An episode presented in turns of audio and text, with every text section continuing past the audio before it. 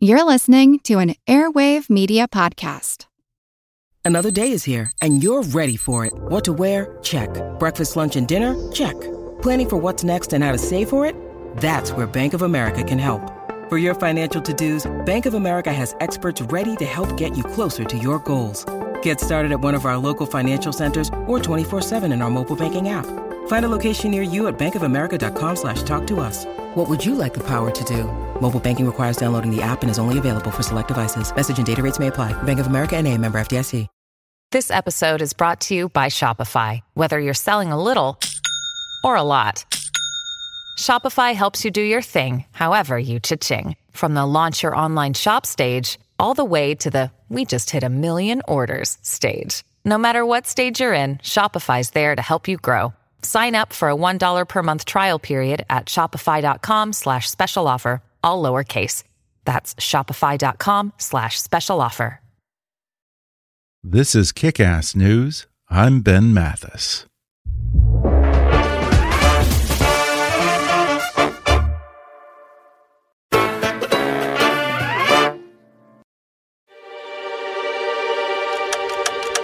For 43 years, I covered up this dark spot on my life.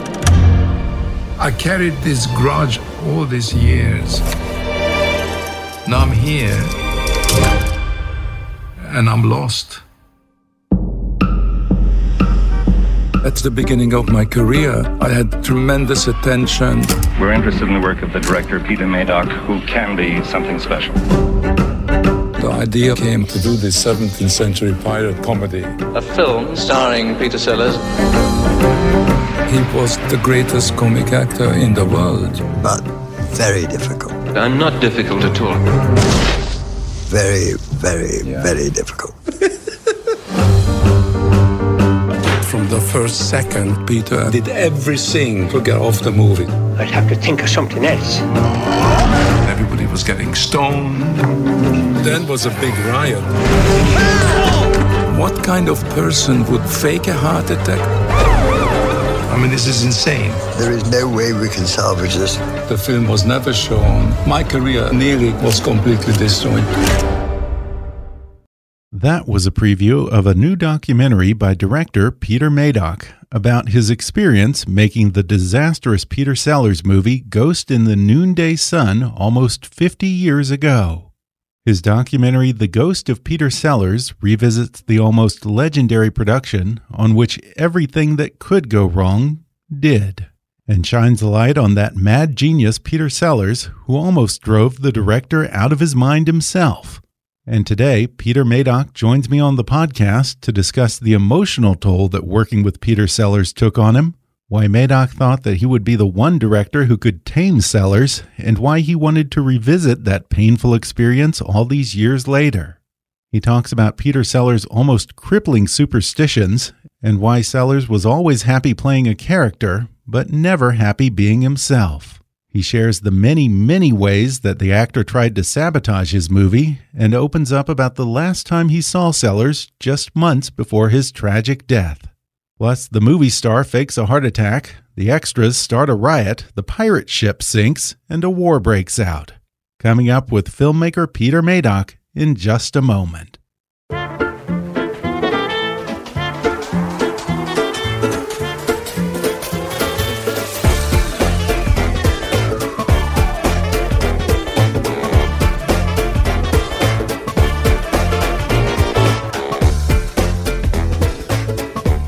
Today I'm talking with filmmaker Peter Medak. Over the course of his career, he has directed 29 films and 59 television shows, but one movie has continued to haunt him for more than four and a half decades the ill fated Peter Sellers movie Ghost in the Noonday Sun. Now, Peter Medak revisits that famously disastrous production and the comedic genius who became the bane of his existence for his new feature length documentary, The Ghost of Peter Sellers. Peter Medak, welcome to the show. Yeah, thank you very much. Great to be there. Well, I really enjoyed the movie, and this documentary is just a fascinating exploration of all that can go wrong on a film. You talk very frankly about not only the hit that your career took as the result of Ghost in the Noonday Sun, but also the lingering emotional impact it's had on you. You were you were traumatized by this. And now here you are 47 years later making a film about it. Why put yourself through the pain of revisiting that experience, Peter? It was just such a, a kind of a memorable, unique experience and because Peter really was a great friend and it was a you know, yeah, you, you never expect friend to do anything like that. But mm-hmm. I mean, he couldn't help himself because uh, the things he did to everybody who surrounded his life to be with these two lunatics, Peter and Spike.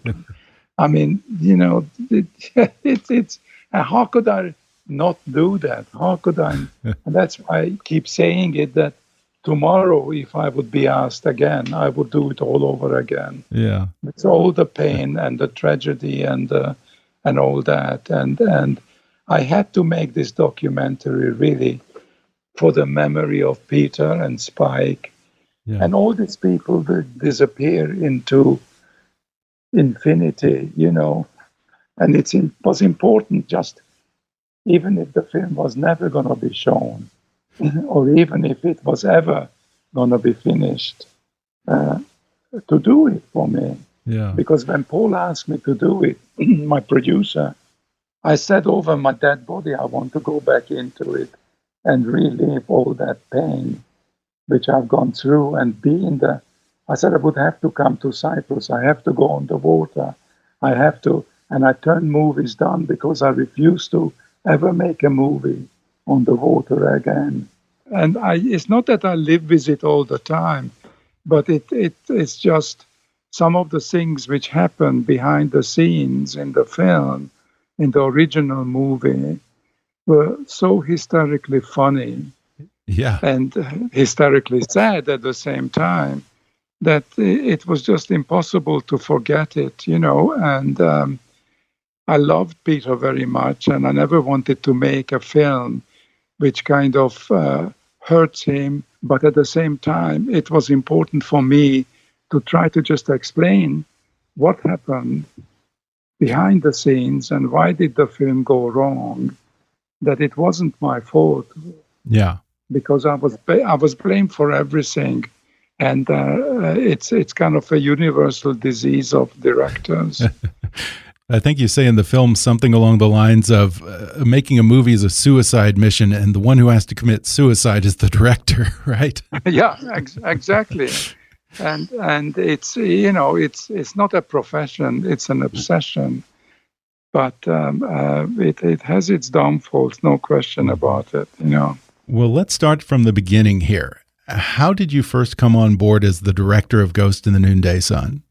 I was after Ruling Class, which was my biggest success, uh, which was my third movie in 1971. And next day on a Saturday, I bumped into Peter in King's Road, Peter Sellers. There are too many Peters in this story. to, to right. Peter Sellers in King's Road, and he says, "Baby," uh, but it's great for me because I've got the pirate film ready, and uh, I would love you to come and do it. And I said yes there and then. Before you started Ghost in the Noonday Sun, were you aware of Peter Sellers' reputation for fighting with producers and directors, not showing up on set, being difficult, and some would even say crazy? Well, yes, I was because I knew Peter very well beforehand. And okay. as I say, we were friends, you know, and we used to see each other quite a lot, a whole group of us which was uh, Roger Moore and Bryan Forbes and Spike Milligan. And we used to have dinners and luncheons, just have fun in London. And so I kind of knew, but then you always think, well, I'm different from everybody else. And I'd be able to manage him, you know. I had a wonderful time with Peter O'Toole on Ruling Class and with Alan Bates and with Glenda Jackson in my first movie, my first three movies. And so there was no reason at all to think that I couldn't manage Peter. Of course, you can manage anything, but I mean, it's a director's job is to put, to put up with anything and everything which comes on your way in order to get a great performance out of your actors. So I jumped head in, and that was it. Yeah. You know. Yeah, and it's an understandable temptation because when you made this movie, Peter Sellers at that time was huge. This was right after Doctor Strangelove and all the Pink Panther movies made him a giant star. So everyone wanted to work with him. Yeah. I think you say that your first script meeting with Peter about the movie, you had to go to some hideout flat where he was living because he was supposedly convinced that his wife was a witch. was he serious yeah. about that? Yeah, it's true. Yeah, it is. Yeah, yeah, yeah, yeah it was Peter was incredibly superstitious, and uh, yeah, I, absolutely. I mean, he came he came over to uh, my house, my apartment in London, one weekend, and again it was the same story. Said I can't go home, you know, because uh, can I stay with you guys, you know? And I was married, I had two kids, and my wife was pregnant at that time from with my third child. And um, Peter stayed with us for a long, long weekend over Easter hmm. because he wouldn't go home. you know, he said she put the curse on me. You know, and uh, you know, I mean, you know, you you. Yeah, I mean, with Peter, you expect you you you accept everything. Yeah. You know, and uh, he was incredibly funny with it. You know, so. Mm-hmm uh, you never know whether it was real or not. Is it another joke? Yeah. And and uh, yeah, I was going to ask you that while you were spending all of this time with Peter Sellers on this movie. Did you get the impression that his quirks and all the tantrums that we'll get into later were genuine, or was it all for attention? Or maybe was it even that he got some kind of Andy Kaufman esque pleasure out of screwing with people like you? Well, and uh, I think, no, no, it was an obsessive, he was a manic depressive, you know. Mm. And uh, uh, I mean, if you if you kind of came on the set wearing a green uh, cashmere sweater, he would have an epileptic fit. really? You know, because he says green is bad luck. I guess you know? he's not Irish then. I know, I know, I know. So, uh, yeah, I mean, you know, you, you, you he was um, a very extraordinary character, you know, and of course, um, Peter's character, which was his name was Dick Scratcher. And at one point, Peter came to me halfway through the shooting, quite seriously, and he says, "Darling, you know, you have to change the name of my character and take me off every call sheet, every sign, in every doorway." Because, and I said, "Why, Peter? Are you crazy? You know?" And he says, Yeah, maybe crazy, you know, but you got to do it. Otherwise, I can't work. I said, That's why. he said, Well, scratch in Irish means uh, the go, it means the devil, you know. so we changed it. I mean, grown up people, not quite grown up, but supposed to be grown up people yeah. making this movie and following Peter's crazy quirks. But it's all to do with his superstition about life. You really couldn't make it up. It's just too crazy. So I guess let's talk about the production. Peter Sellers finally arrives on location in Cyprus, and almost immediately, Peter tried to get you to quit the movie. And yet he was the guy who brought you on the movie to direct. What was your reaction? No, what happened is that he arrived uh, to, to Cyprus. Mm -hmm. And I picked him up at the airport and we went to this incredible villa where he was going to live and I mean, he'd be having even unpacked his luggage and be sitting in the living room, having some Retsina wine or something. And uh, he says, let's look up these two people, you know, who are the producers of the film, uh, Ben Kadish and Thomas Clyde. And Thomas, Mr. Clyde was a titled English gentleman, and he had a big company with Douglas Fairbanks Jr. in England, and he made several wonderful movies. And Peter starts reading out his biography Anyhow, he closes the book and he says, Let's get rid of them. Let's fire them. I said, Peter, are you crazy? I mean, I'm only directing the movie, but they've been your partners for two years. Wow. What do you mean, let's fire them? He says, like, let's get rid. They don't know what they're doing. Let's get rid of them. Jeez. Anyhow, so they two days later, the two producers vanished from the film. So uh, it was a gradual thing with Peter because the next thing he did we started shooting, and we had this wonderful DP on the film, Larry Pizer, who was again a friend of his, and he'd done a couple of movies with him. And he then decided that I should fire Larry Pizer. And I said, but why? He said, no, just, just, just I can't work with him anymore, you know. I mean, it, they, they took these terrible dislikes to people for no reason. Hmm.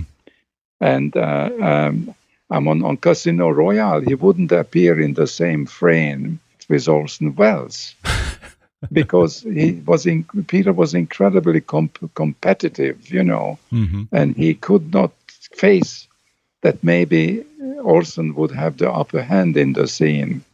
So yeah, and he he he tried to get you to quit the movie, right? Well, well, he did have yes. He he uh, no, he went behind, not openly. He went behind Okay. my back, and uh, and and tried to get me fired. By then, Peter had missed like 13 days of the movie physically, when he was either terribly late or he just said he doesn't feel well, he can't work today.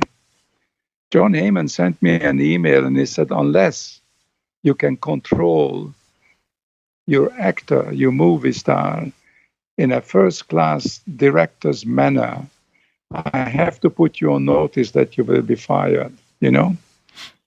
And I said, well, why don't you come here and try to direct him? Sure, and and, and it's amazing uh, so many ways that he tried to undermine you or sabotage his own movie. He tried to instigate a mutiny among the cast and crew. At one point, he refused, as you mentioned, to be in the same frame with one of your other lead actors, so you had to find a way Yeah. around that. And then at some point, he even faked a heart attack. How did you find out that was a lie? I mean, you can't make this stuff up. No, no, no, not at all. You know, and I mean, can you imagine my reaction when two days later, when we closed down production because Peter suffered a stroke, a heart attack, and he's in the hospital, local hospital, supposedly. And uh, I pick up the Evening Standard in the center page is Peter Sellers at San Lorenzo's restaurant in Beauchamp Place in London having dinner with Princess Margaret when he's supposed to be in the hospital, you know.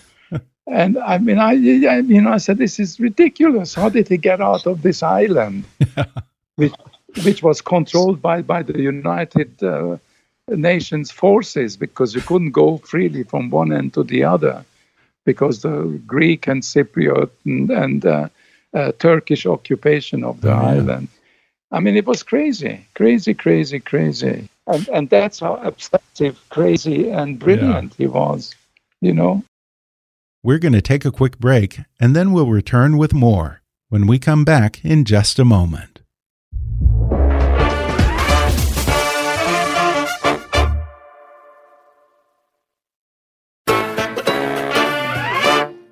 And it's amazing after torturing you and just driving you mad on this movie, uh, not showing up to work, disappearing to London, all these things. At one point, he actually has the nerve to ask you to do him a favor on your day off and shoot a Benson and Hedges commercial for him. And Yeah. the way that went down is just so comically absurd. Can you tell that story? Every time he wanted something, I was darling to him because I always call everybody darling. And he says, darling, you got to do me this big favor. He said, "I've got to shoot this Benson Hedges commercial uh, for Kim Cigarettes, which was a cigarette brand, which was, uh, I think, for the Far East. And uh, the only way I can do it if I do it here in Cyprus, I got to come and direct it. And I said, Peter, I said, I can't even get the movie finished with you. What do you mean I got to go and direct this film? I said, go and do it bloody yourself. I'm not going to do it, you know. Oh, no, come on, baby. You know, you got to do it. You got to do it. And Spike is in it as well. And then you can, whatever.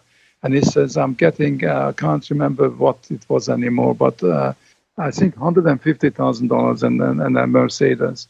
And he said, you can get whatever, you know, you want, you know, but come and do it. So, I, you know, like an idiot, I end up doing it, you know. And I figured, well, maybe if I do him this favor, he will behave. So um, I start shooting the commercial, and um, it comes to eventually, it's a very simple story. And uh, it's a cigarette commercial. And it comes to the pack shot, which every commercial has. And I said to Peter, I said, darling, can you just flare this beautiful Benson Hedges pack in the sunshine so it flares, you know? And he went absolutely white. And he said to me, Didn't Dennis, his agent, tell you? Uh, he said, I can't, I cannot touch the pack. Didn't he tell you? And I said, What are you talking about? You know, he said, Baby, I cannot, you can't ask me physically to touch the product, the cigarette pack. I cannot and I will not do it. and I said to him, Why? He said, Because I am the chairman of the Anti Smoking League. and I said to him, What? You're the chairman? He said, No, I swear on all my kids' life, I cannot touch the pack. So I went three feet away and I said, Spiky, I said, Your idiot friend will not touch the pack. and he says, Darling, you know, I really, really love you. Don't ask me something which I will not and I cannot do. And I said, Why? What is it? You know, he said, I can't touch the pack either. And I said, Why? He said, I'm the assistant chairman of the anti-smoking league. and I said, I said, you both out of your fucking mind, you know? God. And I, I want to ask you something because I've often heard people who worked with Peter Sellers say that he was just completely uncomfortable and unhappy being Peter Sellers. Uh, he was only at peace when he was playing someone else. And when he wasn't doing a character, it was like he was just an empty shell. Did you see glimpses of that when you were working with him? Well, in this, he had plenty of makeup, you see. So mm -hmm. he was not playing himself. But uh, I knew about it, of course, because um, there were all these legendary stories about how Peter. But not only that, I mean, he says it himself in his many interviews. You know that he is. I don't. I don't know. I don't really think I exist. I don't think Peter wow. Sellers exists. Hmm. I only exist through these various characters. And, very early in his career, when he started making movies, he started taking on films whichever he could play three or four different characters, like in the Lavender Hill Mob movie. But um, the real Peter underneath it was a very sad, sad person. I spent so much time with him, not just on the film, but in kind of real life. And uh, he was just a very unhappy, kind of manic, manic depressive person.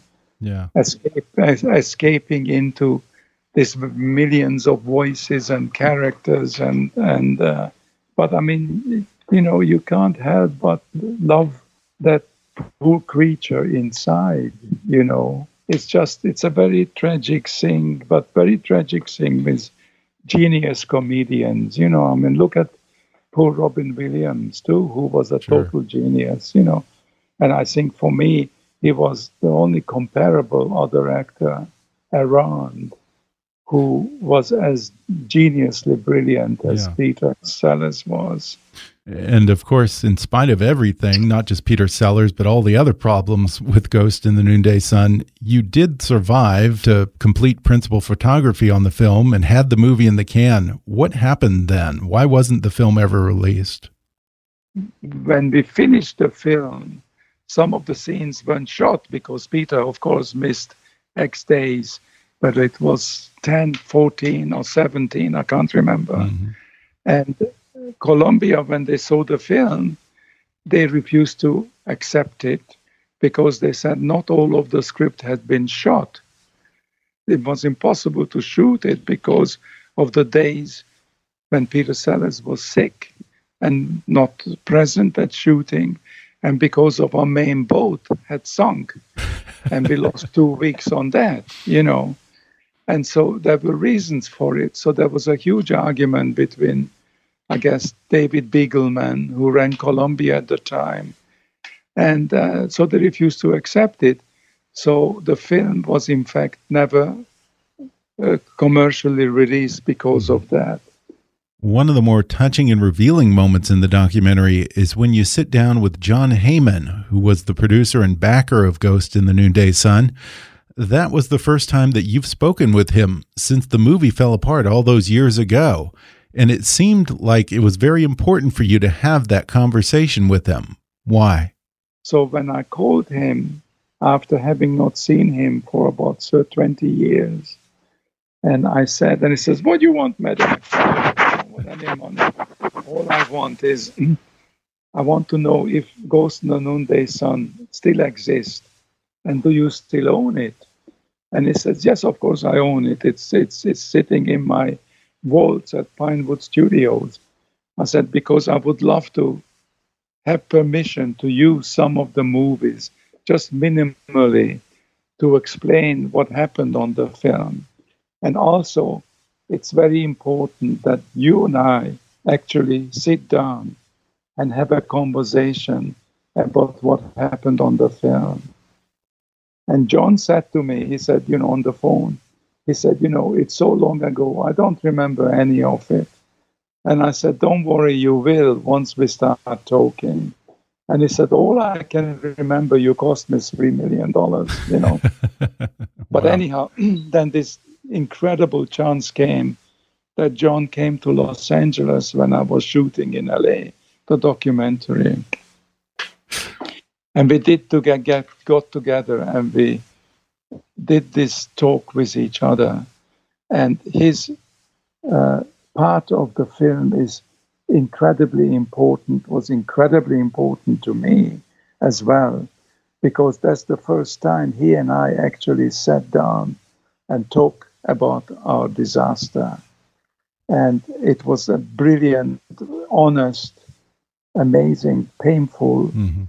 interview when he also, for two and a half hours, explained about financing films in the 70s and financing films today in this new, different type of world. And that interview could be fully put out as a lecture to every film school, every producer, yeah. every studio in the world, because John was a genius and incredibly eloquent and and uh, wonderful, wonderful man. Even though that we were friends before, but then we never become enemies. But that he tried to fire me and and and didn't and he explains it why he didn't and all that mm-hmm. and uh, it's it's it was terribly important for me to yeah be there with john you know nearly as important as making that movie because that conversation with me released me of something which i've been uh, kind of hiding or running away from mean, you know we are all crazy you know because we are all incredibly vulnerable and uh,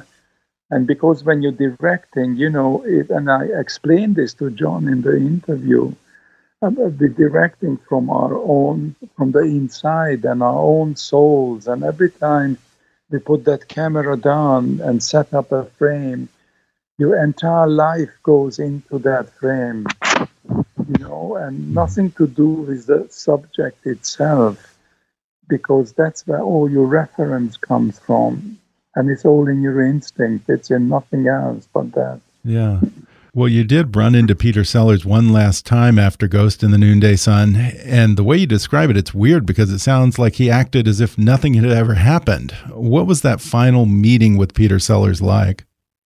Well, I was shooting another movie, ironically with Graham Chapman, who was one of the Monty Pythons, some film called The Odd Job at Shepperton, and the whole studio is full of pink posters, and every stage or his stage is painted pink because Peter is shooting right next door to my stage uh, uh, a Pink Panther movie. So uh, I'm shooting away on the stage, and uh, someone taps my shoulder, and I'm sitting on the on the camera, and it's Peter, and and Peter says, "Honey, darling, you know." He said, I sent for you, didn't come. I'm upset. Why don't you come and see me?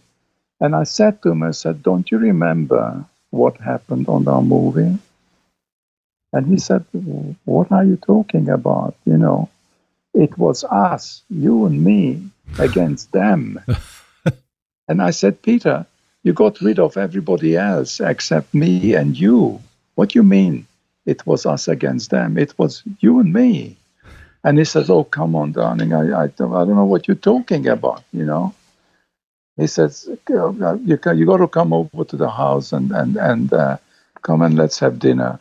So that evening I went over. He was in a rented house in Benedict Canyon. And uh, we had dinner and we made up, you know. And he says, I love you. You know, I want you to, I'm going to buy back the movie from Columbia and John Heyman, you know, and I want you to re edit it and do some new narration for it, you know, and I'll get it released, you know.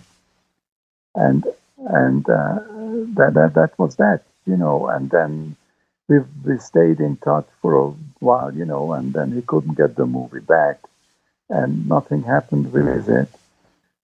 A few months later, he died. Wow. When you heard that Peter Sellers had died pretty unexpectedly in 1980, what was your reaction? Oh, I was terribly upset. I was terribly upset. And I said, he cheated death all his life. Hmm. He can't be dead. I mean, I said, you, and there was a wonderful photograph of him uh, in a hospital with an IV thing and the thing you push on the corridor and all that. And he was standing there, and that was the picture which was published in the paper. And I said, I said, this is impossible. You can't be dead. But he was dead, you know.